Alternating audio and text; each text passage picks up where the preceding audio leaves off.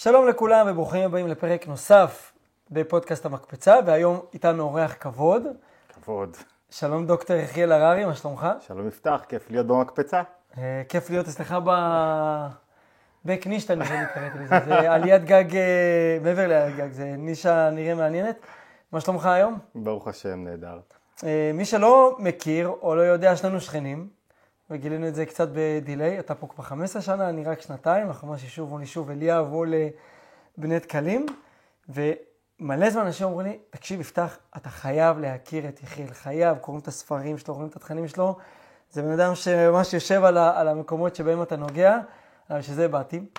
וככה הייתי טיפה שמח לשמוע עליך, מי אתה, מאיפה באת, מאיזה עולמות. בשמחה, טוב, בקצרה, מה, כזה קורות ויקיפדיה כזה, קורות חיים, לספר תן עליי? את זה באיזה, אתה יכול להתחיל מהסוף להתחלה או מההתחלה אני אגיד? מה אני אעשה עכשיו, שאני חושב שזה בעיקר מה שמעניין. איך שאני רואה את עצמי, כן. נראה לי, מה שאני אעשה ביומיום. צולל לתוך תורת הנפש היהודית, שזה בעצם ספרות החסידות והקבלה. ואם לדייק, שזה בעצם הכי הרבה לכתבים של גדולי אה, חסידות חב"ד, הרבי הרש"ב, האדמו"ר הזקן, הרבי מלובביץ' כמובן, צולל לכתבים שלהם ומנסה להוציא מהם אה, עצות, טכניקות, תובנות יומיומיות, ספציפית לעבודת הנפש. שקשורות לעבודת הנפש, לשינוי זווית הראייה בחיים, לצמיחה, לעבודה עצמית, להתגברות על רגשות לא רצויים, ליצירתיות, למימוש עצמי, כי זה בעצם הלב הפועם של אה, מחשבת החסידות, ו- וככה זה נעשה בספרים, בכל פלטפורמה אפשרית, בערוצי וידאו שונים ומה שאפשר. וזה נטו החסידות בפני עצמה, או שאתה עושה גם איזה לינקג' יחד עם הפסיכולוגיה, או פסיכולוגיה חיובית, או שיטות NLP, לא יודע. תראה, זו שאלה טובה, היום העולם לא מבודד. כל מי שפותח יוטיוב ומבין את אנגלית, אז, אז כל עולמות התוכן פרוסים לפניו. וקשה לו אחרי זה לחזור הביתה ולהגיד, רגע, את זה קראתי רק כאן, ואת זה קראתי רק כאן. כן. אבל יחד עם זאת, אני מאוד משתדל להיות uh, צמוד לתורת הנפש היהודית, ואם אני מביא ממקורות ידע שונים, זה העשרה או סוג של uh, השוואה. למה? כי שם אני מרגיש מאוד מוגן. שם אני יודע שיש לי כתפיים רחבות, שזה לא דעתי או כן. הרעיונות שלי, שם אני נשען. מוגן מפני מה, סתם מעניין אותי.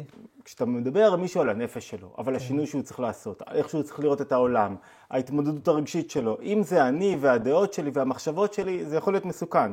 אם זה באמת ההבנה של מרכיבי הנפש, לא, אתה יודע מה, אפילו לא על פי גדולי תורת הנפש היהודית, אלא על פי, הרי ספרות הקבלה הזו מתנה אלוקית לעולם. יפה. אז בעצם זה לא אני. אז, אז אני מרגיש מוגן מפני uh, לעמוד ויודע שאני יושב על חומר מאוד ברור, מאוד מסודר, מאוד מיושב, קורא את הדברים טוב, בודק אותם שוב, משווה אותם. יפה. ואתה יודע, זה, אני עושה את זה כבר 15-16 שנה וזו הנאה גדולה, ואני מרגיש שאני לא יודע כלום.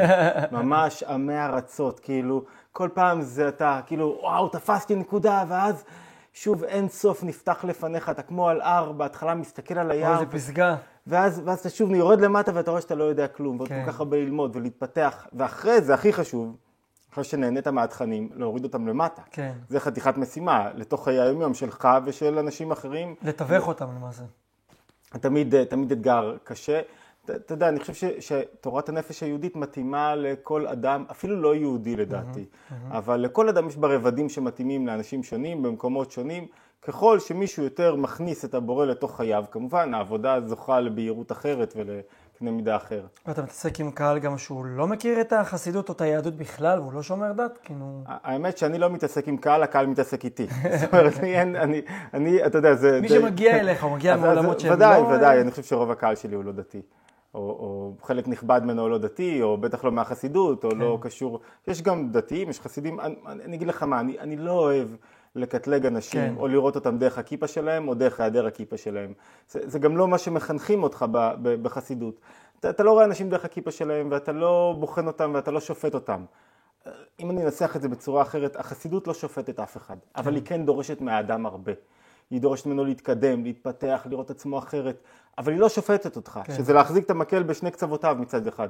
מצד אחד אתה גם רוצה... הדרישות לאן אתה יכול להגיע, וגם מאיפה שאתה מגיע זה בסדר. אתה רוצה להתפתח, קום, תעמוד על הרגליים, תתחיל ללמוד, תלמד, ת, ת, תזוז. אבל אני אף פעם לא אשפוט אותך למקום שבו אתה נמצא. זה קצת משקף את הסיפור שלך, לא? אתה סוג של רבי עקיבא. זאת אומרת, פתאום הגעת, אמרת, מה קורה פה לפני, לא יודע, 15, 16, 17 שנה, תכף תגיד, ואז מה, התחלת פשוט לזלול, להיכנס לחנות המתקים ולקחת כל מה שיש? זה לא יודע, השוואה לרבי עקיבא גדולה, כולה אליבא דרבי עקיבא, כן? אבל בעולם הקטן שלי אני חושב שכן, באתי לפה ממקום מאוד אגוצנטרי לעולמה של היהדות. מה זאת אומרת אגוצנטרי? אני מחפש איפה הכי טוב. יפה. איפה הכי כיף, איפה הכי אני אממש את החיים, איפה יהיה לי הכי תענוג, איפה הכי פחות יהיה לי סטרס. איפה הכי פחות יהיה לי לחץ וחרדה ועצבות וכעס, איפה, איפה זה עובד הכי טוב. ופתאום התחלתי אה, ללמוד יהדות בכל הרבדים שלה, ואתה אומר, וואו, יואו, אתה יודע, לפעמים זה קצת היה מביך, סיפורים שאני נתקל בהם לראשונה, והבת שלי באה מהגן עם אותם סיפורים. ומספרת לך כבר. ואני אומר לה, בוא, מה זה משנה, הרי זה בגמרא, זה, זה, נחומיש גמזו, אתה כל כך מתלהב מכל סיפור, מכל רעיון, שהוא ממש אה, היה, תפס אותי ואמרתי, טוב, על כל סיפור אני חייב לכתוב ספר. כל סיפור, כל רעיון וכל הרעיונות שלמדתי נשזרו, בש... לא כולם, אבל מדהים. בספרים, ו- ואני חושב שבאמת, זה מה שהתורה נותנת, יש בה בעצם ארגז שלם של בוא, בוא תשחק קצת, בוא, בוא תלמד, בוא תשחק, בוא תראה, בוא תראה איך החיים יכולים להיות מלאי תענוג. שאלת איך מתחילים לעשות שינוי? אי אפשר להתחיל לעשות שינוי מ... אני חייב, אוף, איזה באסה, למה אני שם? זה לא עובד, זה, זה, זה סתירה פנימית. בתוך אז מאיפה ש... כן? אתה חייב למצוא תענוג במשהו גבוה יותר שאתה רוצה לעשות. בלי ה... הרי מה עושה תענוג? הוא בעייתי קצת, כי הוא יכול להוליך למקומות בעייתיים, אבל מצד אחד הוא מאפשר לך רגע לשחרר, ולהיות, להרחיב את הכלים, ולהיות שייך למשהו גבוה יותר. תחשוב למשל על מישהו, אתה מודד אנשים לעשות ספורט. כן. אם הוא לא ימצא את התענוג בספורט. לגמרי, זה לא יחזיק זמן. זה לא יחזיק זמן, והתענוג יכול להתחיל קודם כל מדברים קטנים, מההצלחה, מעוד קילומטר, נכון. מהמדידה, מה... בכל מיני עניינים הוא מוצא את התענוג שלו, ולאחר מכן התענוג יהיה בדברים יותר גדולים, מעצם מהיציאה, מהשיפור, אחרי זה מהספורט עצמו. מזה שאתה רץ, אתה פתאום מרגיש משוחרר והעולם שלך, אתה יודע, אף פעם לא שיתפתי בזה, אבל אנחנו רצים פה, אנחנו במקומות שבו אברהם, יצחק וכל גדולי ישראל היו מתהלכים, כן. ואני לפעמים יוצא לרוץ, ואני מרגיש, וואו, איזה זכות ואיזה חסד שיש לנו לרוץ בכזה מקום ולהשתחרר ולנשום אוויר ולחשוב, ו- וזה תענוג גבוה יותר מזה, אי אפשר להשיג בקיץ, בחורף. אז אם אין לך את זה, לא, תצ... לא תצליח, אבל זה לא מספיק. השינוי מתחיל ממה שטוב לך, ממה שאתה מתענג עליו, ממנו אתה מתחיל את התהליך שינוי, ולא מהמרמור והכעסים וה... איפה אני נמצא. ולמה אני לא כמו ההוא, הרי הרבה פעמים אנשים מתחילים, באים אליך אנשים, אני רוצה להיות כמו ההוא, רואה את השכן שלו, כן. שלא יש לו רכב חדש והצלחה והזוגיות נראית יותר טוב. הוא אומר, אני רוצה להיות כמו זה. והוא לא באמת רוצה שינוי, הוא פשוט מקנא, והוא לא רוצה את המקום שלו בחיים. בלי שאתה מוצא את התענוג שלך, את המקום שלך, את איפה הנכון לך. רק מה, הרבה פעמים אנחנו מבלבלים בין תענוג אה, גשמי נמוך שהוא uh, זמני, שהוא לא מגלה את הכוחות. שהוא להפך מסתיר, תענוג זה נקרא שהוא נגרגי. תענוג מעולם התוהו, לבין תענוג אמיתי, שחודר בתוך הכוחות הפנימיים, mm-hmm. בשכל והרגשות, ומרחיב אותם, וגורם לך להתפתח. המבחן של תענוג הוא אם הוא גרם לך להתפתח. שעתיים על, uh, על הפלאפון, לא בהכרח. זה, זה, זה כן. כאילו היה שם משהו שגרר אותך לכאורה, אבל לא התפתחת. כן. לעומת זאת... לא היה לך שם תענוג פנימי. ממש, שהתגלה ואחרי זה הרחיב לך את הכלים. אז, אז ההבחנה הזאת בין תענוג נכון או תענוג לא נכון, רצון mm-hmm. פנימי לרצון חיצוני. אתה רוצה סדרה של רצונות חיצוניים, שהם כאילו, אתה יודע, למישהו יש חלום, דיברנו על חלומות, למישהו יש חלום, חלום מתעתע, חלום יש בו הרבה דברים, כן. יש בו דברים מפחיעים. אתה לפעמים רוצה משהו ויש לך חלום, אבל הוא לא אמיתי. כי אתה רוצה דברים לא בגלל העניין עצמו. חלומות שב ידברו. שב ידברו, ואז יש החלומות שב ידברו. אתה חייב להתחיל לעשות עבודת ברור מה אני באמת רוצה. לפני שאתה יוצא לממש ולעשות שינוי, מה אתה באמת רוצה? אולי אתה לא צריך לעשות שינוי, אלא סתם להחליף משקפיים, וטוב לך כל כך במקום שלך, אתה פשוט אכול קנאה ורגשות שליליים. ואז אתה, אני חושב, אמרת את זה אתמול, לפעמים אתה מגלה שהמקום שלך כל כך מתוק מדבש, רק מה, אתה במצב נפשי כזה גרוע, שאתה לא יכול לראות אותו. שאתה חושב שהשינוי, הוא, הוא ש... יביא את הפתרון. בדיוק, בדיוק. שלמעשה שום דבר ברמה הטכנית לא צריך להשתנות, אלא רק ההסתכלות שלך על עצמך או על המציאות והחיים. ולפעמים, כן, צריך לזוז, לצאת מהמקום הזה, להתחיל ללכת למקום אחר, למקום לא נודע. אתה יודע, יש סתירה בין תענוג לבין כן. התחדשות. כי תענוג זה מקום שבו אני, יש לי ביטחון, וברור לי, וטוב לי. טוב לי בכאן ועכשיו. ותענוג מתחבר לכאן ועכשיו. לעומת זאת התחדשות, אתה חייב להיות מוכן להלך במקומות חשוכים, mm-hmm. שאתה לא מכיר, שאתה לא יודע, שהם לא בהירים לך, מקומות שאתה מסתכן אפילו, שאתה כן. רגע מדלג למעל... לא, מחוזות לא ידועים. ואם אין לך את הנכונות הזאת ללכת קצת בחושך, אתה לא תצליח לקפוץ מדרגה. וצריכים להיות מסוגלים להחזיק את, עוד פעם, אחד הסודות הגדולים ביותר של החסידות, כן. זה נשיאת הפכים. נכון. להחזיק מזה ולהחזיק מזה. להיות מסוגל לא להגיד, "אה, אני רק פה, לא, אתה לא רק פה, אתה חייב להיות גם פה, אתה חייב להיות גם מסוגל ללכת בחושך, ולהגיד, טוב, עכשיו אני הולך בבלבול, אני לא יודע, אבל יש לי איזה נקודת ביטחון שאני אגיע למקום טוב, נכון, בריא, רגע, בוא נתקדם. זהו, בואו נתקדם. זה דעתי אחת הבעיות של אה, הרבה אנשים. בשלב הראשון הם לא יודעים האם החלום הוא שב ידבר או החלום האמיתי. אז הם חושבים, חושבים, חושבים, מסתכלים על השכנים, מסתכלים על עצמם, רואים את ההוא שהתקדם בעבודה. הוא אומר, יש לי חלום להיות XYZ, או להביא את עצמי ל-XYZ, אבל הם לא יודעים אם זה אמיתי או לא אמיתי. איך אפשר לדעת? זו שאלה סופר טובה, אבל אני אגיד שזה לא אם החלום אמיתי או לא אמיתי. כתוב גם במסכת ברכות שכל החלומות הולכים אחר הפה. ואחד הפירושים זה, מה זה כל החלומות הולכים אחר הפה? שאני מפרש את החלום, אני נותן לו ממשות. אני ברגע שאני לקחתי חלום, אם, אני מחליט אם הוא יהיה אמיתי או לא. אני מחליט אם הוא שלי או לא. אני מחליט אם אני מחובר אליו או לא. זאת אומרת, אני לוקח איזה משהו רחוק בזמן ובמקום, שהוא כאילו נראה לי גדול עליי. עכשיו אני מחליט אם זה חלום שהוא סתם קפץ לי והוא לא אמיתי ואין לו שום היתכנות, או שזה משהו שאני יכול לייצר איזה סוג של יעדים ותוכנית כן. פעולה, ומה אני עושה. אוקיי, אני רוצה להיות, אתה יודע מה, מוכר ברשתות החברתיות. מה אתה עושה? איזה תכנים אתה מעלה? מה התוכנית היומית שלך? כן. כמה מה הפרקטיקה היומית שלך שתוביל אותך לשם? כמה אתה מוכן לסבול כדי שבסופו של דבר יהיו לך אלף עוקבים. כמה אה, אה, סטטוסים, וידאוים אתה מוכן להעלות, כשאין לך אף אחד שרואה בך, אותך או צופה בך, עד שאתה תגיע לשם. והאם זה באמת הקהל, המספר הוא זה שמשנה לך, או עצם היצירה עצמה. זאת אומרת, אתה בסופו זו של דבר... שאלה של כל אומן וכל יוצר. אתה יודע, זה אף פעם לא, זה אף פעם לא תשובה חד כיוונית. ודאי כן. שאתה רוצה ליצור ורוצה רוצה גם לעשות. וגם. כשהיה לי 50 מאזינים או צופים, אמרתי, אני בשביל 50 איש מוכן עכשיו לתת נשמה, בשביל 100, בשביל 1,000, בשביל, בשביל כל, ו- ו- וזו הדרך לראות את זה, אני חושב, לא דרך כן. מספרים, לא משנה אם יש לך מיליון או אלף, אלא דרך היצירה עצמה ודרך זה, הרי מה זה משפיע? מי הוא אדם שמשפיע באמת? מתי אתה משפיע באמת? כשאתה נותן ערך משמעותי למי שיש לו כאב או מצוקה, שבדיוק זה מתחבר, כמו אז איך. אתה מגדיר ערך? ערך, וואו, שאלה טובה. אז, אז אני חושב שאתה משפיע באמת, אתה יודע, יש משפט בחסידות שנקרא חסיד עושה חסיד, שאתה גורם למישהו אחר להיות משפיע, שאתה גורם למישהו אחר לגלות את הכוחות שלו. יפה. כשאתה גורם למישהו אחר לנוע ולפעול ולהוציא מעצמו יותר, אז זה ערך. אז, אז נתת לו באמת ערך. אגב, גם אז המדע שלנו אם זה ערך או עונג. ככל שהוא צחק עכשיו, אבל זה לא הניע אותו לפעולה, הוא לא השתנה בכלום, ובטח שהוא לא רוצה לתת את זה, הוא נהנה והמשיך. פעולה יכולה להיות אפילו, אתה יודע מה, אנחנו אומרים פעולה לפעמים שינוי קטן בזווית כן. ראייה, הופך את אדם מקורבן, אה, אכול רגשות אשם, או מתנשא להבדיל, או, או שינוי קטן בזווית הראייה פתאום מכניסה לו אושר לחיים ושמחה, וזאת אומרת, אתה משפיע על אנשים כשהם בעצמם הופכים להיות משפיעים. יפה. הרב זקס אמר את זה מאוד יפה, אמר את זה על הרבי מלובביץ'. הוא אמר שיש מנהיגים שהם בונים את עצמם על ידי זה שיש המון שמעריץ אותם. הם לא באמת משפיעים. כן. משפיע, הם רק צוברים כמות של אה, עוקבים, אבל הם לא מופעלים. זה, זה כמו סלבס, אתה, מה אתה משפיע? מה, מה זה ראיתי איזה מישהו יפה או משהו יפה, אז, אז, אז זה- זה המשפיע כן. שלי? לא. מי זה משפיע אמיתי? אמר הרב זק על הרבי מלובביץ', שהוא הופך אנשים אחרים למנהיגים. כל מי שמקשיב לו עכשיו יוצא והופך להיות מנהיג. וזה מבחן, אם אחרי שגמרנו, מישהו גמר את הפודקאסט שלך, והוא יוצא עם יותר כוחות לעשות, הוא אומר, תשמע, תשמע, תשמע, זה גדול עליי, אוקיי, תודה, שמעתי, נהניתי, נכון, חכם, אבל, זה קשה. אם הוא אומר אבל זה קשה, כנראה שלא השפענו עליו מספיק, לפחות ברגע הזה, יכול להיות שההשפעה תתגלה בעתיד.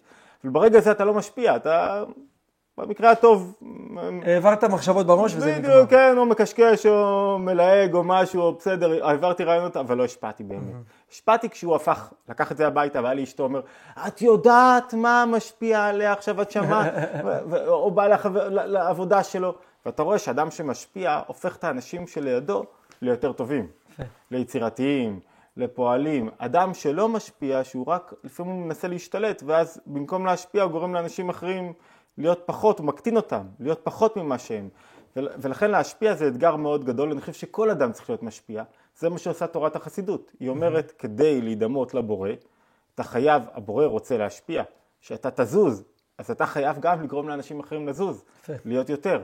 אתה יודע, אין, אין מפגש של הרבי מלובביץ' למשל, זו אחת הסיבות שבגינה אני מעריץ אותו. זה, כאילו, אתה מסתכל מהצד, הכרתי אותו לעומק בגיל 32, אני חושב.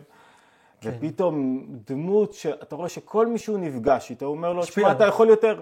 כן. כאילו, מה, מה זאת אומרת אתה יכול יותר? אתה, לך תוציא מעצמך יותר. לך תהיה מורה טוב יותר, לך תהיה בן זוג טוב יותר, לך תהיה איש עסקים טוב יותר, אתה יוצר אה, סרטונים, תעשה טוב יותר, תקפיד יותר, בכל דבר תעשה יותר, במסגרת האפשרויות שלך. כן. והתודעה הזאת מורידה יותר אור לעולם ומחייבת את כולנו. יפה, אז אתה אומר, הצעד הראשון, לכאורה, לדעת אם חלום הוא זה או לא, זה לגשת לפרקטיקה, אבל אז מתחילים שני דברים שקורה אצל הרבה אנשים, גם אצלנו, פחדים, בסדר? פחד מכישלון, פחד ממה יאמרו עליי, פחד זה, ודברים טכניים בשטח שלא הולכים כמו שחשבתי. איך אפשר להתמודד עם זה? וגם מתחילים לי פחדים, פחד זה כאילו, איך אומרים, זה הרגש הקיומי והחזק ביותר באנושות. אני, אני לא יודע אם להגדיר אותו כ- כחזק ביותר, כ- כמי, לא יודע, לא סובל מפחדים, אז קשה לי, אני מנסה להזדהות, אז, אז, כן. אז, מה זאת אומרת, אין אדם שלא סובל מפחדים, אבל למדתי לאורך השנים כאילו לא לתת להם מקום. יפה. והדרך להתמודד עם פחדים היא, היא פשוט להבין אותם, להבין את המנגנון. זה- על זה- מה הם באים להגן. להבין מאיפה הם באים, מאיפה הפחדים באים, איך הם מתעוררים, מה מניע אותם, למה אני מפחד. יש, הצד השני של הפחדים זה לא להאמין בעצמי. לפעמים זה לא פחד, זה לא להאמין בעצמי, זה אני לא מסוגל, אז למה להתאמץ בכלל? עצלות זה לא פחד. כן. עצלות זה למה שאני אעשה בכלל, מה אני אשפיע, מה אני שווה, מה יצא מזה. אין, אין בה מידה של פחד, זה שאני רוצה לא להיות כאן. אני רוצה להיעלם, אני לא רוצה לעמוד בסיטואציה הזאת, אני לא רוצה לעשות את זה. אם מישהו יגיד לי משהו, אני לא אהיה מסוגל להתמודד עם זה יותר. המקור של פחד הוא מובנה בתוך, ה, בתוך העולם. הוא מובנה באופן כזה שאנחנו לא יודעים מה יקרה בעתיד, ולכן כל מחשבה על מה שיקרה בעתיד, או כל כל מחשבה שלילית. על מה שיקרה בעתיד יוצרת אצלי חרדה. אבל אתה נגיד עשית את זה, לא יודע, לפני 17 שנה, אמרת אני יוצא לדרך חדשה, לא היה לך שם פחדים, משהו? זה חתיכת שינוי, עשית פיבוט כאילו 180 מעלות, או לא יודע כמה. האמת, ש... אז, אז רגע, בואו נגיע לדרך להתמודד עם. פחדים. הרבה פעמים הדרך להתמודד עם פחדים, יראה יונקת ממחשבה כללית כזאת. מה יהיה אם? איך הדברים יסתדרו? אתה יודע, בנית בית. מה יקרה מחר אם הזה לא יבוא, והקבלן והזה, ואז אתה בא מחר ומטפל ומסדר והכל. מסתדרים. הדרכים לטפל בפחדים זה לא לחשוב על מה יהיה אם, זו עבודת המחשבות החשובה ביותר שדיברנו עליה בערוצים שלנו אין ספור פעמים. כן. לא לעבוד על המחשבות, אלא לנסות להיות כאן ועכשיו, להתמודד עם העניין עצמו, ולא עם כל ההתנפחויות שלו מסביב. כשאני בתוך העניין עצמו, אין פחד. יפה. פחד הוא... כי אתה בדואינג. בדיוק, כי פחד, פחד הוא המחשבה פחד מה יהיה אם. כשאני לא אין לי מה יהיה אם, אז אני כאן ועכשיו, כשאני כאן ועכשיו לא יכול להיות פחד. לכן כשאני זוכר את התהליך של, אה, אתה יודע, של פתאום להיכנס לתוך עולמה של היהדות ולעזוב כל מה שעשיתי קודם לכן, לא היה שם פחד. כי הייתי בתוך עניין. ברגע שיצאתי מהעניין ואתה יוצא עכשיו בערב מול הטלוויזיה או מול המחשב ומסתכל עליך מהצד ופסיבי, שם יש את הסכנה של. המחשבות. צריך למסגר את המקומות הבעייתיים הללו, להגדיר בהם איזה מחשבות לא נכנסות, להגיד, טוב, אתה לא נכנס, אני יודע מראש, כשאדם יודע מראש כן. איזה פחדים הולכים להיכנס, ומה, איך זה הולך לעבוד עליו, אז יותר קל לו ברגע האמת. זאת אומרת, יותר קל לו ברגע האמת, לא, זה, זה לא בהכרח שהוא יתגבר. לאט לאט, עוד קצת, עוד קצת, בסוף הוא יתגבר. הוא יודע איזה מחשבה תקפוץ אליי, עוד מעט כשאני אהיה באוטו, ואני אעבור בכביש המסוכן הזה ממה יהיה איתי, מה עם הילדים, אני יודע איזה מחשבה, מה אני מציב, איזה חלופה, על מה אני חושב עכשיו, איזה מוזיקה אני שם עכשיו. הוא מכין את עצמו מראש, כמו לכל דבר אחר. אתה מתאמן בספורט, למה שלא תתאמן נפשית? אימון מנטלי הוא האימון החשוב ביותר. זאת אומרת, אתה אדם מבין שבלי לרוץ לא יהיה לו סיבולת לב ריאה. בלי להבין איך הוא חושב, לא יהיה שריר לו... לא מפותח, מה שנקרא. לגמרי. אז, אז זה חלק... חלק... הבא שאתה אומר, במקום שבו אדם חוש... איפה שאדם נמצא, שם, עכשיו- או שאיפה שהמחשבות שלך נמצאות, שם אתה נמצא. איך אני יוצר את ה mindset הזה? זאת אומרת, הרבה אנשים אומרים, אני רוצה לחשוב על דברים חיוביים, אני רוצה לא לפחד. אבל הם לא מכירים את המערכת עצמה. יש איזה setting למערכת הזאת? איך אני בונה מחשבות? אה, אה, אתה יודע, אנחנו אוהבים לדבר על מחשבות, הבעל שם טוב אומר את זה על כוח הדעת בנפש. איפה שדעתו של אדם נמצא, שם הוא נמצא, ואנחנו אוהבים לדבר על מחשבות הרבה פעמים, אבל מחשבות הן כלי נפלא, והכי אופטימי שיש לנו, אומר אדמו"ר הזקן. למה הוא הכי אופטימי? כי המחשבה כל הזמן נמצאת בתנועה, היא כל הזמן בתנועה. כל רגע היא מתחלפת. כל רגע אני יכול לחשוב רק מחשבה אחת. אני בוחר איזה מחשבה לחשוב. אם אני לא בוחר, ייכנס, וואו, מה יכול להיכנס. כל הטריק הוא שאני בוחר מחשבות. כשאני בוחר את המחשבה, אני בוחר על מה לחשוב עכשיו, במה להיות ממוקד. שאלת איך אני ממוקד במשהו? כן. אנחנו חוזרים רגע לחיבור כוחות הנפש, אתה חייב להתחיל לחזור למקום הגבוה שלך יותר בנפש, לכוח התענוג. רגע, אם יש לי עכשיו פה תענוג במה שאני עושה, אני כאן. אתה, תקשיב לי אם תמצא תענוג, mm-hmm. תמצא עניין, ואחרי זה כוח הדעת יתחבר כשתשאל איך זה קשור אליי. אם אנחנו מדברים על דברים שלא קשורים אלינו, אף אחד לא יישאר איתנו. אם אנחנו מדברים על דברים שקשורים לחיים כן. של... נשאר איתי, רלוונטי אליי, איך זה קשור אליי, מה אני רוצה מתוך מה שהקשבתי. זאת אומרת, ככל שאתה יותר מצליח לעורר את כוחות הנפש להידבק בדבר הזה, mm-hmm. אתה שייך אליו. בואו ניקח נדבר למשל על פלאפון. כן. אתה יודע, כל כך קל לבזבז שעות על פלאפון, וזה קורה לכולם. כולם. מתי אני לא אה, מבזבז שעות בטלפון? כשיש לי משהו יותר מעניין, יותר חשוב, יפה. יותר מענג. מענג. זה סדר עדיפויות שהוא מעל הפלאפון כזה. זה, זה אפילו לא, המילה סדר עדיפויות זה כאילו בחרתי. כן. אני עכשיו יש לי איזה תענוג בללמוד משהו אחר, אז הטלפון לא רלוונטי. זה כבר קורה אוטומטית. Mm-hmm. כשזה קורה אוטומטית אני נצמד לדבר. פשוט mm-hmm. צריכים לגלות את התענוג בחיים עצמם, ולא במה שמוכרים לנו. זאת אומרת, הדיפולט הוא ללכת לטלפון, אבל אני צריך להגיד, רגע, מה בסדר העדיפות שלי, או בחשיבות שלי בחיים, במוקד הדעת שלי, הייתי רוצה להתביית עליו עכשיו. ואיך אני מוגלה תענוג בדברים אחרים שאני עושה כרגע. Mm-hmm. איך, איך אני עושה את זה? זאת אומרת, איך אני מתחבר לעניין עצמו. כשמישהו פתאום קרא משהו וזכר עד כמה... היה לו תענוג בלימוד שלו, בקריאה. אנשים לא קוראים כי הם איבדו את התענוג בקריאה. Mm-hmm. וכשאתה קורא ואתה מגלה עד כמה זה מפתח אותך, כמה זה תורם לך, כמה... לפעמים אתה קורא ספר שלם והוא משעמם, אבל יש שם איזו תובנה אחת ששינתה לך את החיים, נגעה בך, שווה היה כל הספר. אז אתה אומר, נכון, שתענוג, יש תענוג שמתגלה מהר, אתה יודע, כמו כן. כדורסל כזה, גול, כן. ויש תענוג שמתגלה לאט לאט. והוא הרבה יותר חזק, כן. הרבה יותר עוצמתי, שני גולים בכדורגל, הרבה יותר עוצמתי, הרבה יותר חזק. בכלל, תענוג תמידי אינו תענוג. אנחנו כל הזמן רוצים את הדבר, לפעמים דווקא הריחוק, סוד היחסים, יוצר את זה. יוצר את המשיכה חזרה בעוצמה גדולה יותר. רגע, אז תגיד לי, תן לנו טיפ אה, ככה משלך. איך אתה שומר על דעת נקייה וממוקדת כמו שאתה רוצה להיות בו, ברמת המחשבות, הרגשות ואז פעולות? איך אתה יוצר את זה? אתה יודע, כשאתה אומר איך אתה, אז אתה כאילו אומר, אה, יש לי איזה... אתה case study, עשית את זה, לא, לא, כאילו יש לי איזה טריק בשרוול. זה, צריך לזכור, אחד הספרים הכי פופולריים שלי שנמכר בעשרות אלפי עותקים נקרא לנצח כל רגע מחדש. זה לנצח כל רגע מחדש. אין אה, איזה טריק, תיקחו, גמרנו, נפתרה הבעיה, כן. יאללה חבר'ה, התמודדתם, אין יותר בעיות קשב וריכוז. כן. בכל רגע, הרי קשב וריכוז, אחד הדברים שגורמים לנו להפרעת קשב וריכוז, שאנחנו לא מוכנים לבחור. את הדבר שבו אנחנו רוצים להיות. לא מוכנים לבחור את המשהו המסוים הזה, כדי לבחור אני צריך להקריב הרבה דברים אחרים. רוצים גם וגם וגם, לא מוכן להקריב.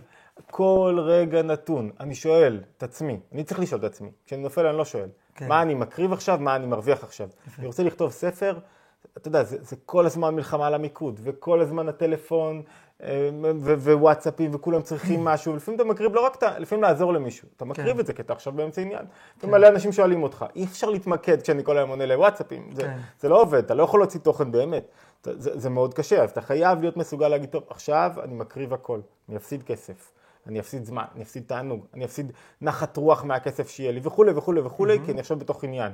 ואחרי זה אני אהיה בעניין הבא, ואחרי זה אני אהיה בעניין הבא. אתה משלם את המחיר עם חיוך, אתה אומר, אני מקריב בשביל משהו שהוא אתה יודע, אם תשאל את אשתי, לא תמיד יש חיוך, לפעמים יש אה, ופרצוף מבואס וכעס. לכן אמרתי שאתה משלם את המחיר עם חיוך. לא, לא, הפוך, הפוך. היא תמיד עם חיוך. אני, לפעמים, אם תשאל אותה איך אני נראה לפעמים, אה, אני נראה אדם כעוס, זעוף, עצבני, לחוץ, אבל נלחם. זאת אומרת, בואו נספר את זה לכולנו. כן. הסוד הגדול זה שאין ניצחונות קסם. כל ניצחון כרוך במאבק. לפעמים יש ניצחונות מתוך מנוחה. שכאילו כשאתה מחובר לעצם הדבר, אז אתה לא מרגיש מקריב. כאילו, נגיד יש עכשיו איזו מסיבה גדולה, אבל באת לחבר שאתה מאוד אוהב. אתה לא מרגיש שאתה מרגיש שאתה מקריב את המסיבה, כי אתה... כן, כי הוא כל כך אהוב עליך, כן, שאתה כן, זה כיף לך, יש לך שיחה אינטימית איתו עכשיו, משהו, משהו עמוק, משהו פנימי. זאת אומרת, כשאתה מחובר לעצם הנקודה, אתה לא מרגיש מקריב. זה לנצח מתוך מנוחה. שאתה, שאתה לא צריך כל היום להתאמץ וזה, כי אני יודע... אתה בשלמות על זה. לא, לא, לא צריך להיות במקום אחר. ויש ניצחונות שהם מתוך קרב. שהשכל אומר לי, לא, למה לא תלך עכשיו לראות את הסרט הזה או את המשחק כדורגל, ואתה אומר, לא, אבל אז מה, דרות הוא מאבק, מאבק, מאבק, לפעמים נצח, לפעמים מפסיד. Mm-hmm. אבל, אבל עצם זה שקמתי למאבק, אני כבר שמח במידה כן, מסוימת. כן. כי המאבק הוא העניין. בוא למאבק, בוא לנצח. בסוף, אם אתה נאבק מספיק, אתה גם תנצח ותשתנה ותתפתח ותעיר יותר. אתה לא נאבק מספיק, אז תמיד יאכל אותך, והזמן רץ. אתה מובן. לגמרי. אגב, כתבת עשר ספרים. 11. 11. אנחנו... והשאלה הראשונה ששאלתי אותך כשנכנסתי לפה... מה, אני אוותר על ספר? זה כמו ילד. בדיוק, זהו, אתה עושה את זה. השאלה היא איך, זאת אומרת, בסוף, יש לך משהו כנראה במיקוד, שליטה פנימי, וביכולת לוותר אולי על דברים אחרים, ולהיות שם. תשמע, אנשים לפעמים עובדים 30 שנה על כתיבת ספר, אתה מוציא את זה ב... אתה, יש לך יכולת כתיבה גבוהה, יכולת ויתור על תענוגות החיים, מה? איך אתה עושה את אז, זה? אז אני חושב שבדיוק הפוך מכל ה... אתה יודע, שאלו פעם את אה, אה, אה, אלופת העולם בשחמט. שאלו אותה, מה גרם לך להיות אלופת העולם בשחמט? והיא נאבקה בתוך זירה של גברים, והיא באה מתוך חינוך קומוניסטי, מתוך... ו- והיא אמרה שאחד הדברים שגרמו לי אה, להיות אלופת העולם בשחמט, זה לא בגלל שאבא שלי חינך אותי בחינוך כזה קשה, נוקשה, להפך. הוא חינך אותי להתענג, לאהוב את המשחק. זה הרבה יותר קשה, עבודה אינטלקטואלית שכלית לאורך זמן, שחמט, מאשר כל דבר אחר. הייתה משחקת מגיל צעיר.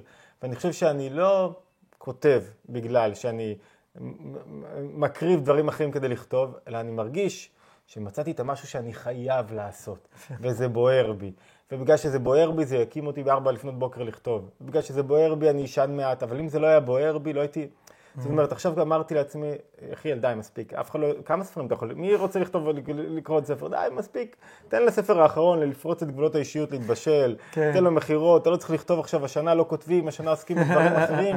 אמרתי לעצמי את זה לפני איזה חודש, ופתאום מצאתי את עצמי בתוך ספר על אה, כותב כבר. תודעת אה, אה, שפע.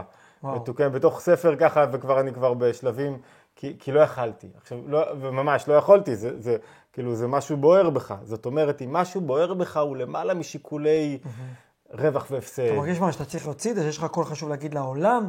זה כאילו בשבילך, בשביל הקהל, בשביל מי זה? אה, זה, זה בדיוק אחד הדברים שעוסק בהם הספר לפרוץ את גבולות האישיות. יש טיפוסי אישיות שונים. כן. ראיתי, יש מים, אדמה אש, ו... רוח ועפר. ומה שמאפיין אותם זה לא רק רגשות, ההתמודדות הרגשית השונה שלהם, אלא כן. גם המניע שלהם.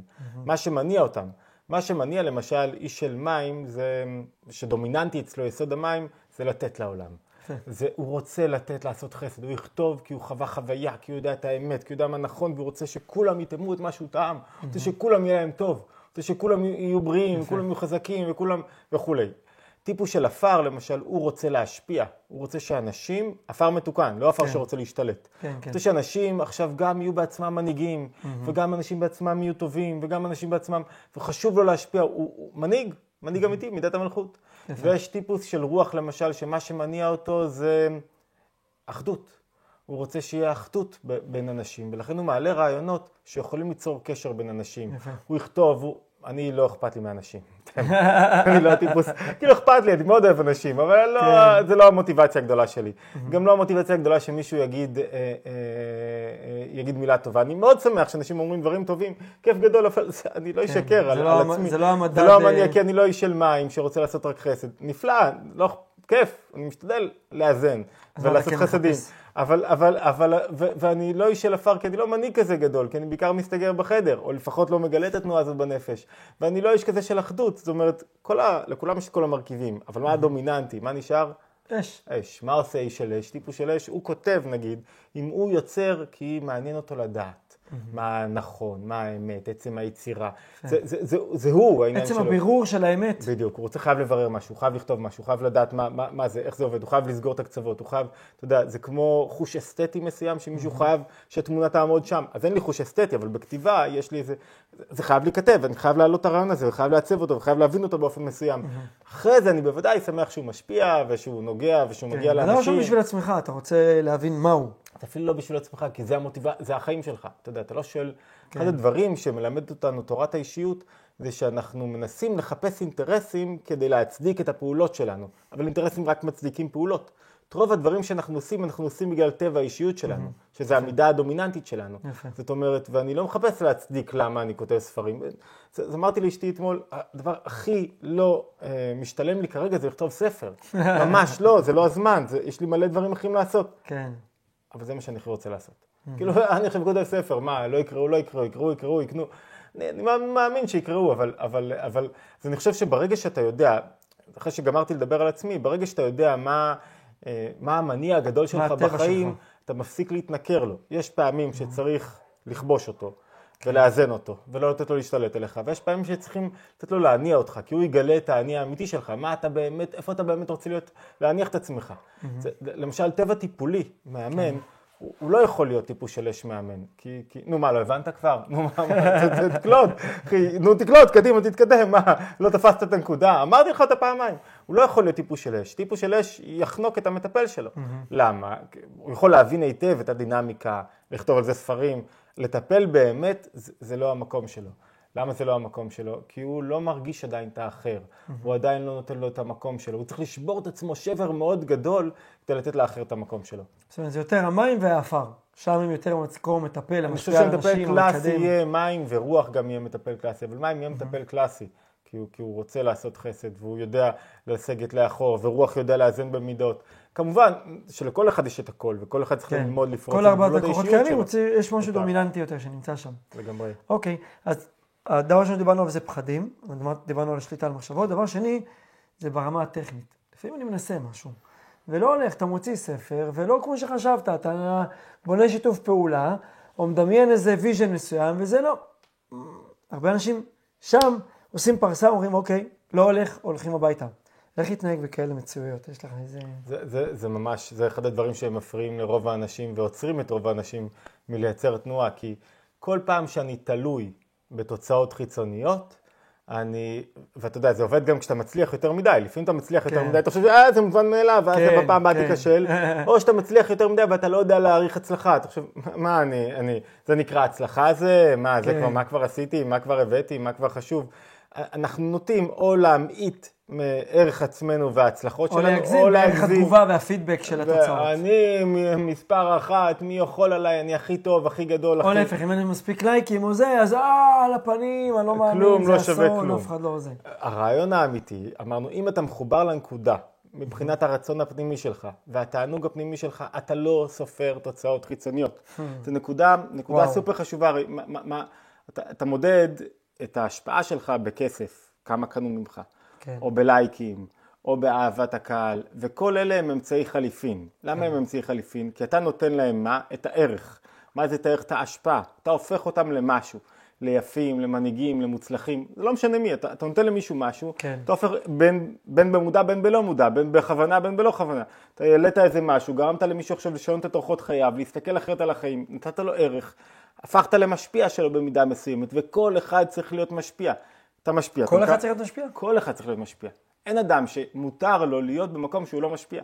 אתה צריך שיהיה לך גם תנועה של קבלה, אפשר לדבר עליה אחרת, mm-hmm. אחר כך, אבל, כן. אבל אתה חייב שיהיה לך מידה של השפעה. כל אחד למה? שהוא... למה זה חשוב כך? כי ככה הבורא ברא את העולם, שיש לנו שתי תנועות מרכזיות, השפעה או קבלה, ומי שאין לו השפעה חסר לו משהו בחיים שלו, הוא לא הביא משהו. השפעה לא חייבת להיות שעשית סטארט-אפ חדש, או שהעלית וידאו חדש. יכולה להיות, תשמע, עשית ארוחת שבת מדהימה, ו- ו- וגרמת לכולם לחוש עכשיו איזה תענוג החיים הללו, השפעת על הבית שלך, mm-hmm. הכנסת איזה משהו קטן לבית, הכנסת חיוך לבית שלך, באת לבית של ההורים חייכת, השפעת, גרמת לאנשים לחוש יותר טוב, לשמוח יותר טוב. שאלתי השבוע בהרצאה, יש שם 100 הייטקיסטים שבונים אה, אה, אה, פתרונות טכנולוגיים לחברה הישראלית, שאלתי, כמה אנשים פה אמרו שלום בכניסה לבניין? חמישה ירימו, יש לי גם סטטיסטיקה טובה, כי הייתי בטוח שאף אחד לא ירים את היד. תראה, לתת, אתם צריכים דבר ראשון להיות ב-state of mind, של מה אני נותן. זה כאילו כוח מניע, וזה גם לרוב מעגל חיובי שמזין את עצמו. כי כשאני נותן, אני מקבל פידבק, אני מרגיש חיובי, אני מרגיש משמעותי, אני נוגע באנשים, אז יש לי חשק יותר לתת. באמת ההשפעה, יש לה כוח מאוד גדול לעצב אותי ואת הסביבה שלי שבה אני נמצא. אתה יודע, זה, הבורא אומר, אתה רוצה להיות שותף שלי בבריאת העולם, אני משפיע, כי אני הבורא, חביבי. אתה גם תהיה משפיע. אדם יוצר עולמות, הרב יוסף דוב הלוי סולובייצ'י כותב על זה כן. מאוד נפלא באיש האמונה הבודד, אדם חייב להיות יוצר עולמות, חייב להיות שיהיה בו את כוח ההשפעה על העולם. ואז בגלל שחייב שיהיה לו את כוח ההשפעה על העולם, הרבה פעמים הוא מתבלבל. כי הוא חושב, רגע, אני צריך להיות משפיע, ואז הוא מחכה שכולם יקבלו ממנו. רגע, מה, העליתי פוסט ליוטיוב, מה, לא כולם הקשיבו לפייסבוק, לא כולם הקשיבו לי עכשיו? רגע, הרעיון הגדול זה שאתה משפיע, מגלה את כוחות הנפש, אבל שאתה לא תלוי במושפעים. יפה. אם זה העניין שלך, אתה לא תלוי באף אחד. Mm-hmm. אם אחד יגיד לך אתה טוב, או עם מאה, או עם אלף, לא צריכה להיות איזה משמעות אמיתית עבור עצם העשייה שלך. למה? כי למה אתה עושה? תחזור ללמה אתה עושה, ללמה שלך. הלמה שלך חייב להיות מאוד גבוה. מה הלמה שלך? הלמה שלי זה שאני מגלה פה את התענוג הגבוה שלי. הלמה שלי זה זה הרצון שלי. הלמה שלי זה, זה התנועות הטבעיות שלי בנפש, זה מבנה האישיות שלי. זה הלמה שלי. אז אם יהיה לי 100 אלף קוראים, אני אשמח. אם יהיה לי מיליון קוראים, אני אשמח מאוד, זה כיף גדול, גם חשבון הבנק שלי ייראה אחרת. ואם יהיה לי עשרה, אני אשמח פחות, אבל יהיה לי עשרה, אני אמשיך לעשות את זה. כן. אין, אין משהו שיגרום לי להפסיק לעשות את זה. זאת אומרת, כרגע, ב, ב, ב, בעניין עצמו שבחרתי, כן. כל אדם שבוחר משהו לעשות, צריך לברר את הלמה שלו. אם הלמה שלו מספיק מדויק, הוא לא תלוי במקבלים. הוא לא תלוי בתוצאות. זה, זה לא אמור ל... ואין כזה דבר, זו הבשורה השנייה. אחרי שאמרנו רגע, ת, ת, ת, אל, ת, אל תהיה תלוי באף אחד אחר, כן. אין כזה דבר שאתה נותן ערך לאנשים, שאתה משפיע עליהם, זאת אומרת שאתה מגלה את הכוחות שלך בצורה נכונה, וגורם לאנשים אחרים לגלות את הכוחות שלהם בצורה נכונה, ולא תקבל בעבור זה כסף, אמצעי חליפין, לייקים, אהבה. לפעמים לוקח זמן למצוא את הפלטפורמה, לפעמים לוקח זמן למצוא את איפה אני אעשה את זה, ולארגן את המוצר, ו... אבל לאורך זמן, מי שנותן ערך לעולם, יקבל את האמצעי, את האמצעי חליפין שלו. אין כזה דבר שלו. יפה. מי שלא נותן ערך ויש לו כרגע כסף, הוא יפסיד אותו. הכסף ייעלם, כי, כי בסוף, אתה יודע, אנשים יגידו, אתה לא נותן לי ערך, מספיק. בדיוק. יבינו את זה מתישהו. בדיוק. אז זאת אומרת שאין פה, אין ארוחות חינם, אין רואים מדך את זה הרבה. אצל אומנים, שנגיד הם נתנו, השפיעו, עשו, יצאו יצירה, ואז בגילי, לא יודע, 50 ו-60, הם הפסיקו ליצור, ולא מבינים למה הם לא באותה נקודה, למה כבר לא נוהרים אחריהם כמו פעם, כי, הם- כי היצירה כנראה נעצרה, והערך כנראה נחלש, אז זה המקום שלהם. בוא נחזור רגע לנושא החלומות, ככה זרקת לי אתמול משהו כמו שחודש הזה הוא חודש החלומות. והשארת אותי ככה עם האמירה הזאת והלכתי, אמרתי, מה הוא מתכוון? מה זה הסיפור הזה? טוב, חודש כסלו, למי שמאזין לנו כן. בחודש כסלו, נקרא גם חודש החלומות, מכמה סיבות וטעמים. אחד, תשע חלומות, יש עשר חלומות בתורה, כולם בספר בראשית. תש, תשעה מהם נקראים בפרשות שנקראות בחודש כסלו. וואלה, תשע חלומות. לא שמתי אחד. לב לזה. נקודה השנייה שהאבן, תן לנו דוגמה למי שלא מכיר איזה חלומות הם מופיעים בחודש הזה. אבימלך, חלומות יעקב, פרעה, כל החלומות מופיעים בחודש הזה. אמ, גם חלומות יוסף מן הסתם? חלומות יוסף, כן, כן, כל החלומות בחודש כסלו. אה, חוץ מהחלום הראשון שהתחלנו איתו לפני שבועיים לדעתי.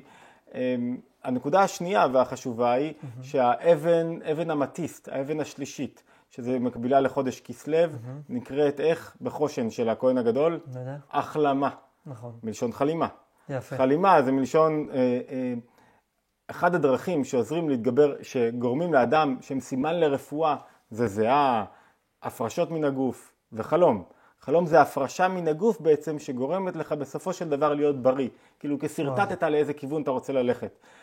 במובן הפנימי, חודש כסלו גם נקרא חודש של פנימיות התורה, שהוא מסמן רגע את ה... יש לנו את יד בכסלו, שזה תאריך יד חשוב. כסלו, כן, שזה יום השחרור של אדמו"ר הזקן מהמאסר שלו, אם נתחיל להסביר כאן, אז כן. אולי נבריח את ה... אבל חודש כסלו זה חודש מאוד פנימי, שגילוי גם חנוכה, חודש נקודה פנימית. נכון. נקודה פנימית קשורה לחלומות. זה משהו יותר עמוק, שהוא נסתר, שהוא לא ממש גלוי, שצריך אחרי איזה רגע, התגלה לי, לא התגלה לי, בתוך המציאות שלי. ולכן חלק מהעבודה של החודש הזה, לכל יום בשנה יש דופק משלו. אתה יודע, ביהדות הזמן זה לא רק איזה דבר מדיד, זה לא רק אה, אה, איזה משהו שאתה יכול, זה, זה באמת דבר חי. יש לו השפעה בפני עצמו. הזמן הוא חי, כן? הוא מגלה אור מסוים. חודש כסלו הוא חודש אמיתי, שבו צריך רגע אדם לעצור. יש לי באמת חלום. לפעמים יש לי חלומות והם האסון שלי, הם הטרגדיה שלי. למה? אם אני סובל עכשיו מדיכאון, או מחרדה, או מסטרס, ואני עכשיו מגדיל, מעצים, עושה אמפליפיי לחלומות שלי, משרטט אותם בצורה יותר בהירה, מה אני עושה? אני מרחיב את הפער בין המקום שבו אני נמצא לבין החלום שלי. יפה. וכל הסטרס שלי נובע ממה? מזה שאני צריך להיות שם ואני פה. אני צריך להיות במרחק ואני פה. והסטרס הזה הולך ומשתלט עליי. אז מה הדרישה החשובה ביותר? לצמצם או את המקום שבו נמצא או את החלום. לק- לקרב אליי את החלום. בדיוק. זאת אומרת להפסיק לחלום. אחד הדברים הכי חשובים זה שלא יהיה לך חזון אם אתה בדיכאון או אם אתה בסטרס, ולא יהיה לך חלום גדול. כרגע אני אעשה את הפעולה הקטנה. אני רק מחויב לזה. מחר אני מחויב רק לזה. אני לא משרטט משהו גבוה מאוד שיוציא אותי מכאן. אבל כשאתה בריא בעצם, וכשאתה מרגיש חזק, אתה יכול להציב חלום יותר גבוה. שידחוף אותך טיפה יותר למעלה. הרי מה המטרה של החלום? חלום לא חשוב. וחלומות לא, ומטרות לא חשובות. ו, ו, ו, וחזון לא חשוב. אז מה כן? הם, הם, הם, הם הדברים מיותרים לנפש שלנו. הרי מה הנפש שלנו צריכה? להיות כאן ועכשיו. חזון, חלום, מטרה, יעדים, מנוגדים. נכון. להיות כאן ועכשיו. אבל מה הקאץ'? שאני לא יכול להיות כאן ועכשיו. אני לא יכול ליהנות מהרגע הזה אם אין לי איזה גול, אם אין לי איזה מטרה, אם אין לי איזה כיוון שאליה אני צריך ללכת. זאת אומרת, החזון חשוב כדי שיהיה לי איזה מטרה, לאן אני לוקח את עצמי. אחרת אני לא יכול להיות כאן ועכשיו, אני נאבד. כדי להיות כאן ועכשיו אני חייב להתמקד במשהו. Mm. זאת אומרת, זה המקום שלי. אז החלום הוא אמצעי כדי להיות במשהו. בדיוק. אז בניגוד למה שאנשים חושבים, המטרה היא רק אמצעי כדי לחיות. המטרה היא לא העניין כשלעצמו. היא, היא אמצעי כדי שאני אהיה כאן ועכשיו, הרי המטרה היא החיים עצמם. אתה לא יכול לחיות כשאין לך מטרה. אתה, אתה רואה את זה אפילו בבוקר, אם אין לך מטרה, לא סרטט את היעדים ביום, אין לך סדר יום. כן, היום... זה מברירי כזה, לא... נאבד כזה, לא עושה כלום. יש חודשים כאלה, ויש אנשים ששנים כאלה נאבדים להם. כן. למה אני חייב מטרות כל היום? אתה יודע מה, מה, מה כדי שיהיה לי כסף בחשבון בנק? זה, זה, רק, זה רק איזה אילוץ כזה. למה? כן. כדי שאני אוכל להתמקד בכל יום. מניע אותי לפעולה בתוך העשייה. כי הסוד הוא שאדם חי כשהוא מצמצם את הכוחות שלו, ולא כשהם מתפזרים. כדי לצמצם את הכוחות שלי אני חייב לכתוב. היום אני 9 עד 10, אני עכשיו אה, אה, כותב. 10 עד 11, אני לא עובד כל כך מדויק, כן. אבל 10 עד 11 אני נפגש עם מפתח. 11, זאת אומרת, יש לי עכשיו בכל מקום זמן שאני בו ממוקד, יפה. ואז אני חי בכל רגע ביום.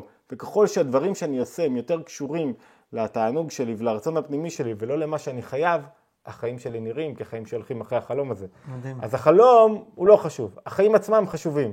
לעתיד לבוא נראה שהיינו כחולמים. החלום הוא רק בשביל העכשיו. אתה יודע מה, אתה מזכיר לי, אני שנייה קומי ממקומי. שומעים אותך עדיין עם ה... מעולה, מעולה. צריכים לספר על הדי-ג'יי מהאיקרופון החדשים שלנו. הסלוגן שלנו במקפצה, זה הכותרת שכל אחד מקבל, זה יותר חשוב למה תהפכו במהלך המסע, מאשר לאן בדיוק תגיעו. נפלא, תראה לי את זה. כשכתבתי את זה אמרתי, אני באמת יודע לומר על עצמי, ואנשים שככה בתוך תהליך, שאנחנו חושבים שהמטרה זה האישור.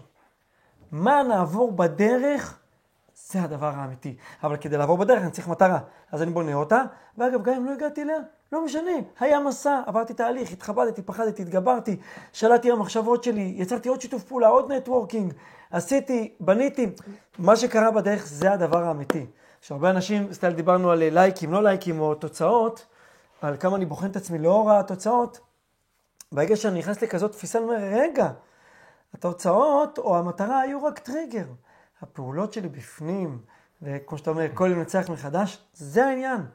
לשים את העשייה והחשיבה שלי ממוקדת, במה אני רוצה לעשות. אתה יודע, יש לזה איזה, איזה משהו שעולה מתוך זה, משמעות מאוד מעשית, בטח עבורך, עבור מי שעוסק באימון. רוב האנשים שאני מכיר, שואלים את עצמם בצורה אינסופית, רגע, אז מה תכלית החיים שלי?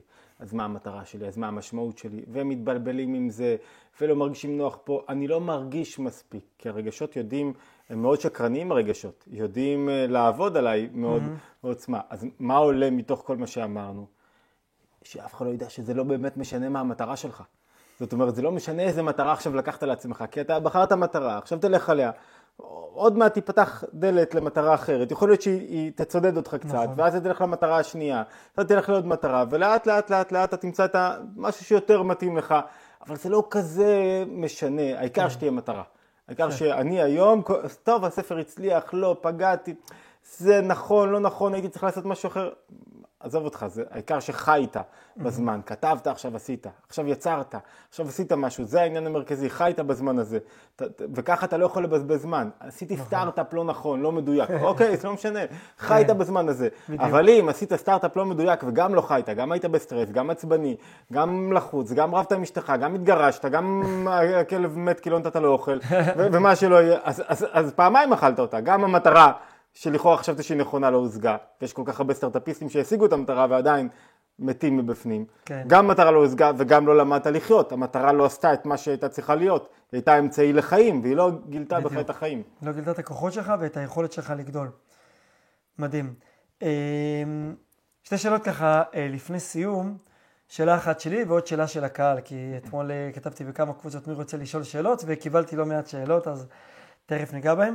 שאלה אחת שלי, ראיתי שאתה עוסק בספורט, ריצה וכולי. המילה, אתה יודע, עוסק, אני משאיר לתורה, עוסק זה כאילו איפה אתה מונח כל כולך. כן. עושה ספורט קצת. למה? מה, מה זה נותן לך בחיים? מה הקטע שלך? מכמה טעמים ברורים. אחד, אה, מה זאת אומרת חובה? זה הלכה ברורה, אתה חייב לשמור על הגוף שלך כדי שיהיה לך יותר כוחות. Mm-hmm. כדי שתוכל להרצות טוב, ללמד טוב, להיות יותר ערני, אתה חייב לשמור על הגוף שלך. אין, אין, וחלק מלשמור על הגוף זה לעשות ספורט. שתיים, עצם הגוף, זה, זה לא רק אמצעי עבור, עצם הספורט עצמו, המקום שבו אני חושב, מגלגל רעיונות, אה, שומע שיעורים, אה, בריצות, באימונים, זה כאילו, זה... כאילו, אתה אומר, המוח עובד תוך כדי הריצה זה עצמה. העניין עצמו, זה, זה, אתה יודע, אתה רואה, כשאתה סגור כל היום, אתה לא זז, היום כן. אנחנו במולד כל היום על המחשב, אתה לא זז קצת, זה חונק אותך, אז, אז כן. הדבר השני עצמו, זה חלק מ... ו, ו, דבר, הגוף הוא פיקדון, חייבים לשמור עליו, אמרנו קודם, זאת אומרת, וגם יש בזה הנאה, אני חושב שלאורך שנים יש בזה הנאה גדולה. תמיד הייתי עושה ספורט ותמיד זה כן. כיף גדול. אתה מרגיש אבל, אה, יש עולמות נפשיים שנבנים, קורים בתוך הריצה? זאת אומרת, לא יודע אם יש שם פריצת גבולות, או יכולת... אה, היום לא, קר, לא בא לי לצאת. יש לך מקומות שבהם הנפש מצליחה להתגלות פתאום בתוך עולם הריצה? ודאי, אם זה עקביות. ודאי, אני חושב, זה לגמרי, אבל, אבל זה בכל דבר שאתה עושה, זאת אומרת, זה, כרגע זה נכון למי שעושה ספורט, זה נכון גם לגבי לימוד. כן. שאני מנצל עכשיו אה, ארבע בצהריים, אני עייף אחרי איזה פחמימה ורוצה, אומר לא, תתפוס עכשיו עוד רעיון, תנסה להבין אותו, ת. ת, תקום מוקדם יותר, אז זה נכון לגבי כל דבר. הספורט לא שונה במובן הזה שהוא צריך להוציא ממך יותר, בלילה קר, אתה צריך לצאת כשקר, ביום חם, אתה צריך לצאת כשחם, אוקיי, זה, כן. אה, זאת אומרת, אם, הרמב"ם אומר, אם מישהו עושה כל כך חשוב, הוא פותח הרי את היד החזקה בבריאות, ובמה לאכול, ובאיך לעשות ספורט, ובאיך להרגיש. ואז הוא אומר, בריאות לא חשובה.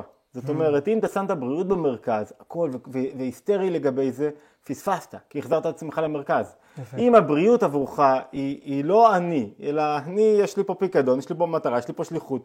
כדי לעשות אותה אני חייב להיות בריא וחזק. נהיה בריאים וחזקים. כדי לעשות אותה אני צריך ללמוד מה לאכול ולברר את התזונה שלי. אז זה, זה, זה עניין מאוד משמעותי. אבל אם אני היסטרי לגבי הבריאות שלי, אני בטוח מזניח מקומות אחרים חשובים יותר בחיים שלי. כן, כן. ו- אה, וחובה על כל אדם לעשות ספורט, מה זאת אומרת? מה- השאלה בכלל? זה ברור. לא, זה ברור, מה? יאללה חברים, לקום, ללבוש בגדי ריצה, לצאת. זה, זה הקטע, זה הסיפור. מעולה. עכשיו נעבור לשאלות הקהל. אני שזה רק... קח אותה ליד שלי. אז ככה, היו אה, כמה וכמה שאלות. קדימה, שוט. מה שנספיק, אנחנו פה אה, עם מגבלות הזמן והיכולות שלנו. לגמרי. אז ככה, מישהו שאל, מה משאיר אותך מעל פני המים? זאת אומרת, איך מתמודדים עם גלים? איך מצליחים להתקדם מתוך סערות החיים?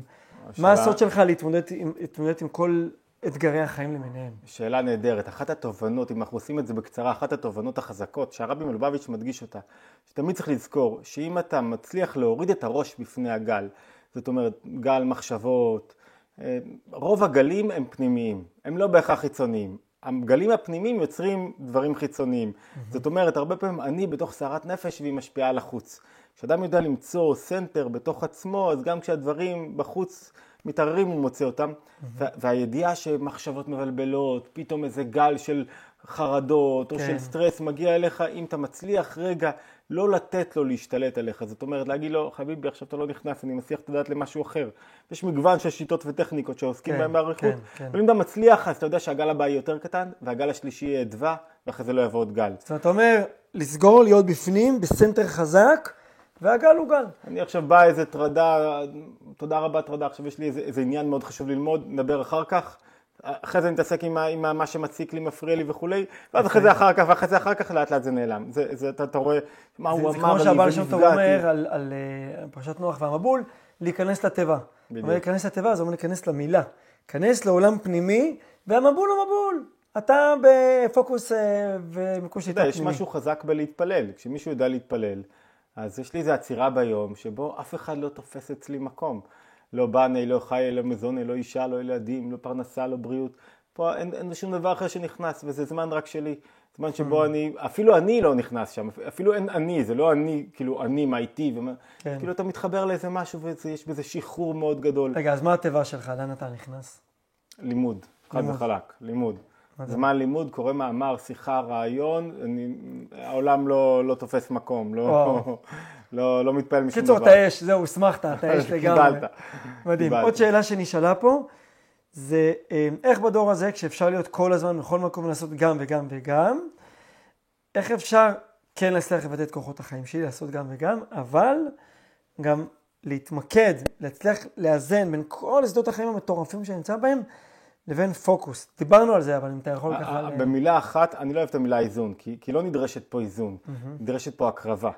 זאת אומרת, אמרנו, אני לא מכבה את כל הערוצים, וזה אחלה דור. מעולם לא היו יותר הזדמנויות לכל אדם להגיע למקומות הכי גבוהים שיש, להצליח יותר.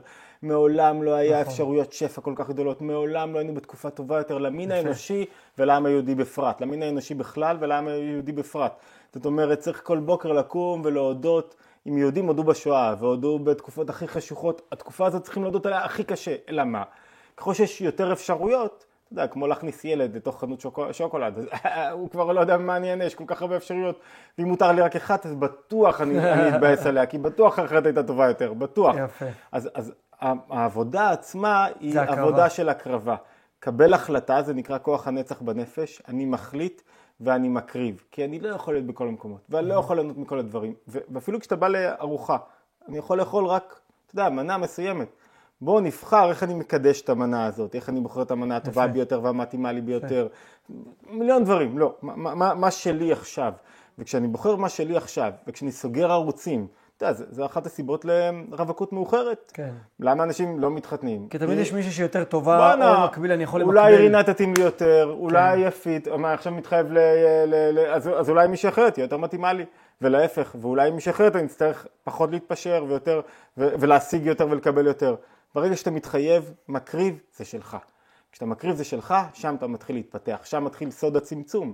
זה, ולכן דווקא התקופה הזאת מאפשרת לנו, היא מבלבלת כי יש שפע. הרבה אופציות, אתה יודע, אפילו בעולם החומרי, קנית כן. טלפון ועכשיו אחד יותר טוב, אתה כבר לא מרוצה, אבל אם נותנים לך את הטלפון הזה לפני 20 שנה, אתה, כאילו זה טכנולוגיה בתור נקודה. טסים לחלל בשנות ה-60 לא היה להם כזאת טכניקה, כן. טכנולוגיה.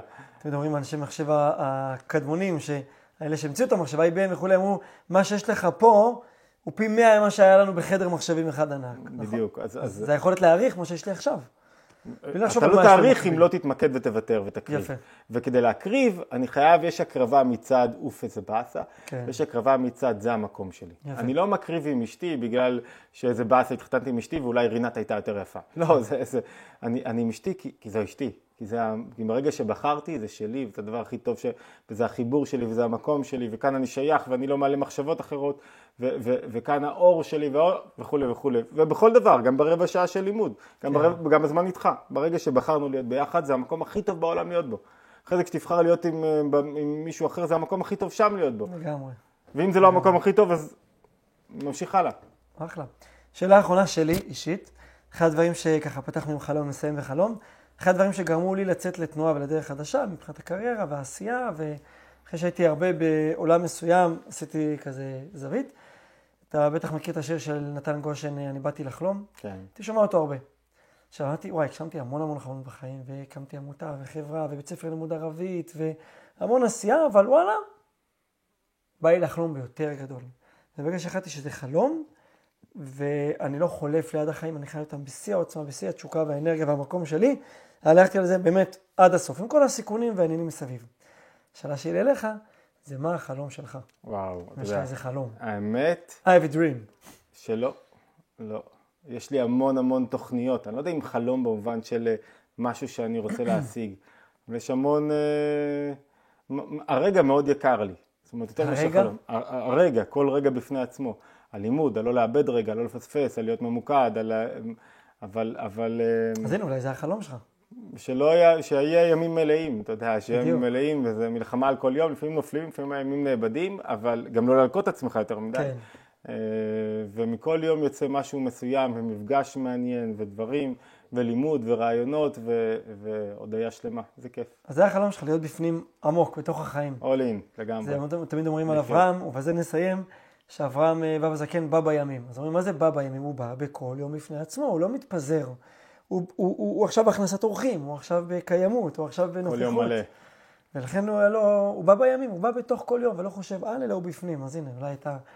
תזכה להיות אברהם אבינו החדש. יופי, אני אסיים במקומך, תצטרפו למקפצה, אה, תבדקו מה קורה אצלו באתר, אצלי גם מוזמנים תמיד לערוצי היוטיוב. בהתבוננות, דוקטור יחיאל אה, הרר, תודה רבה. תודה רבה. היה. כיף להיות ביחד במצב טיסה.